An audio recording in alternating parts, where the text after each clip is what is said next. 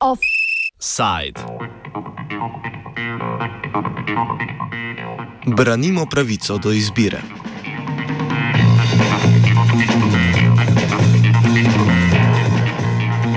V Zagrebu je v soboto potekal shod Hod za život, na katerem je približno 7000 protestnikov izrazilo svoje nasprotovanje izvajanju splava.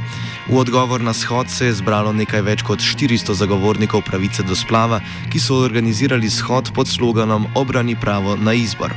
Čeprav je shod Hod za život organizirala nevladna inicijativa, so se mu pridružili tudi vidnejši člani desne politične elite in katoliške cerkve, med drugim žena premijeja Tihomirja Oreškoviča in aktivistični pater Ivan Ajk Mandurič, ki vodi versko skupino Jezusovo srce.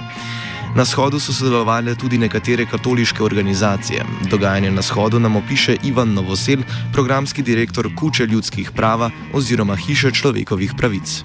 Inicijativa, odnosno udruga u ime obitelji i skupina drugih katoličkih i krajnje konzervativnih udruga je organizirala skup s kojim su uh, pokrenuli zapravo raspravu u hrvatskom društvu oko zabrane, oko zabrane pobačaja i konkretno skup je mislim okupio dosta veliki broj uh, ljudi uh, u Zagrebu i dvije aktivistkinje um, su kao simboličan način uh, da se na simboličan način da pokažu svoje protivljenje uh, zabrani poveća stale ispred povorku i pokušale je uh, zaustaviti u tom trenutku su reagirali redari koji su osiguravali skup hod za život i nakon toga je policija privela te dvije aktivistkinje u prvu policijsku postaju u Zagrebu na Zrinjevcu.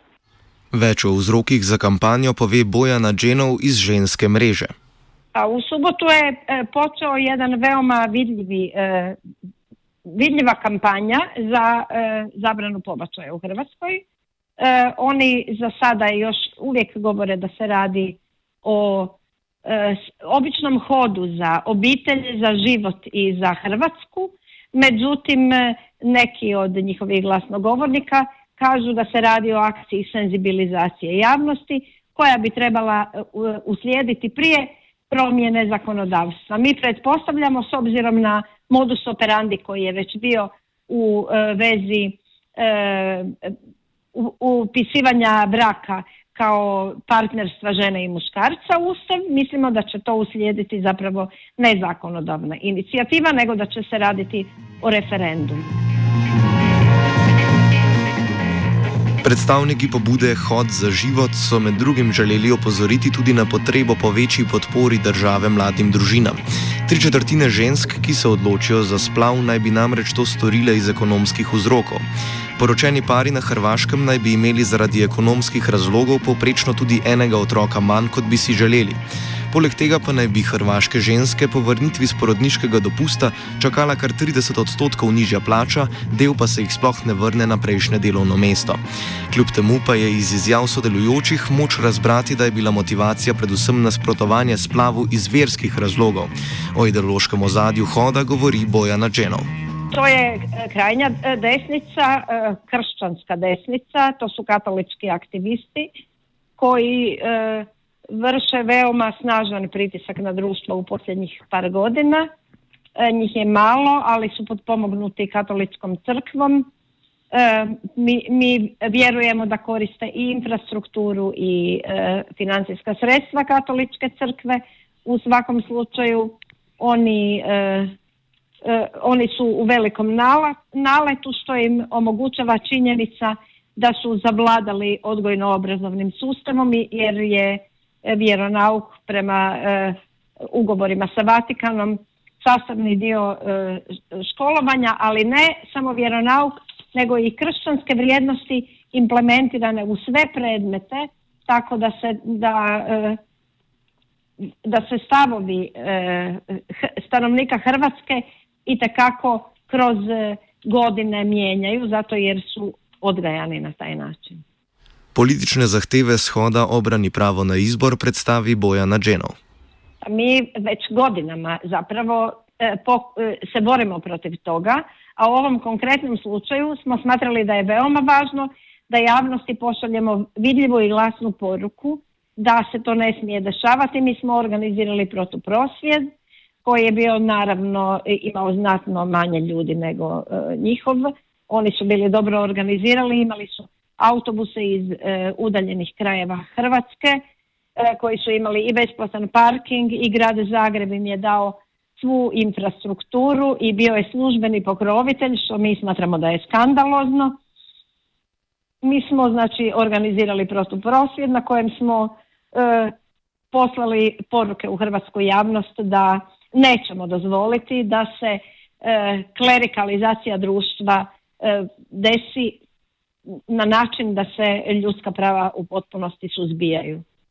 Kakšna je zakonodaja v zvezi s plavom na Hrvaškem, nam razloži Novosel.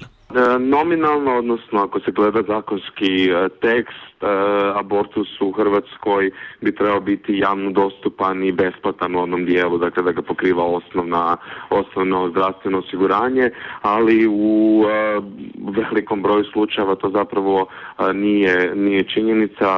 Javne bolnice, odnosno službe za ginekologiju u javnim bolnicama vrlo često ne osiguravaju, ne osiguravaju pristup ženama abortusu zbog toga što veliki broj um, liječnika vrlo često i kolektivno uh, posežu za uh, prizivom, prizivom savjesti što je apsolutno njihovo pravo, no međutim to pravo treba biti izbalansirano sa pravom žena na izbor uh, i pravo na, na, izvršiti abortus, tako da bi bolnice trebale osigurati tu vrstu medicinske pomoći i njege kao i za bilo koji e, drugi tretman. E, ono što se također e, događa kao vrsta recimo društveno upitnog pritiska su takozvane molitvene zajednice gdje ljudi prosvjeduju ispred bolnica i vrše određene vjerske rituale 40 dana za život i tako, tako dalje gdje javno zapravo vrše pritisak na te žene koje dolaze na odjele za, za ginekologiju. Sad svako ima pravo prosvjedovati i izražavati svoje javno mišljenje, ali bi na to država trebala naći primjereni odgovor da se to ne događa u području koje pripada bolnici i da ne izvršava emocionalni ili bilo kakvi drugi pritisak na žene koje su odlučile prekinuti svoju kontroliranu kontrolirano prekinuti svoju trudnoću iz bilo kojeg razloga dok je to u granicama zakonski dopušteno. Vprašanje splava je tema, ki še posebej zadnjih nekaj let močno razburja hrvaško javnost.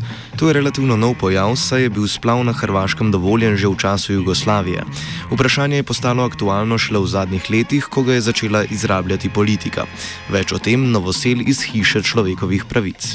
Pa ne, ja se ne bi baš složio da je vrlo emocionalno uh, pitanje zbog toga jer zakon o abortusu je stari zakon još iz vremena bivše uh, SFRJ uh, prije nekakvih 20 i nešto godine je podnesena ustavna tužba uh, Ustavnom sudu da se ispita ustavnost postojanja jednog takvog zakona koji još uvijek uh, dana, do danas nije uh, do danas nije riješena. Treba znati da je pravo na abortus jedno, odnosno pravo na kontrolirani prekid trudnoće jedno od temeljnih ljudskih prava koje priznaje UN i Vijeće Europe. Ono što se u Hrvatskoj trenutno događa da pod primatom i vodstvom katoličke crkve određeni laički pokreti, odnosno udruge vrlo blisko povezane sa crkvom i, i, um, i na načelnoj razini, ali pogotovo financijskoj, uh, pokušavaju uh, ukinuti to jedno civilizacijsko uh, dostignuće i ono što još također treba znati da koriste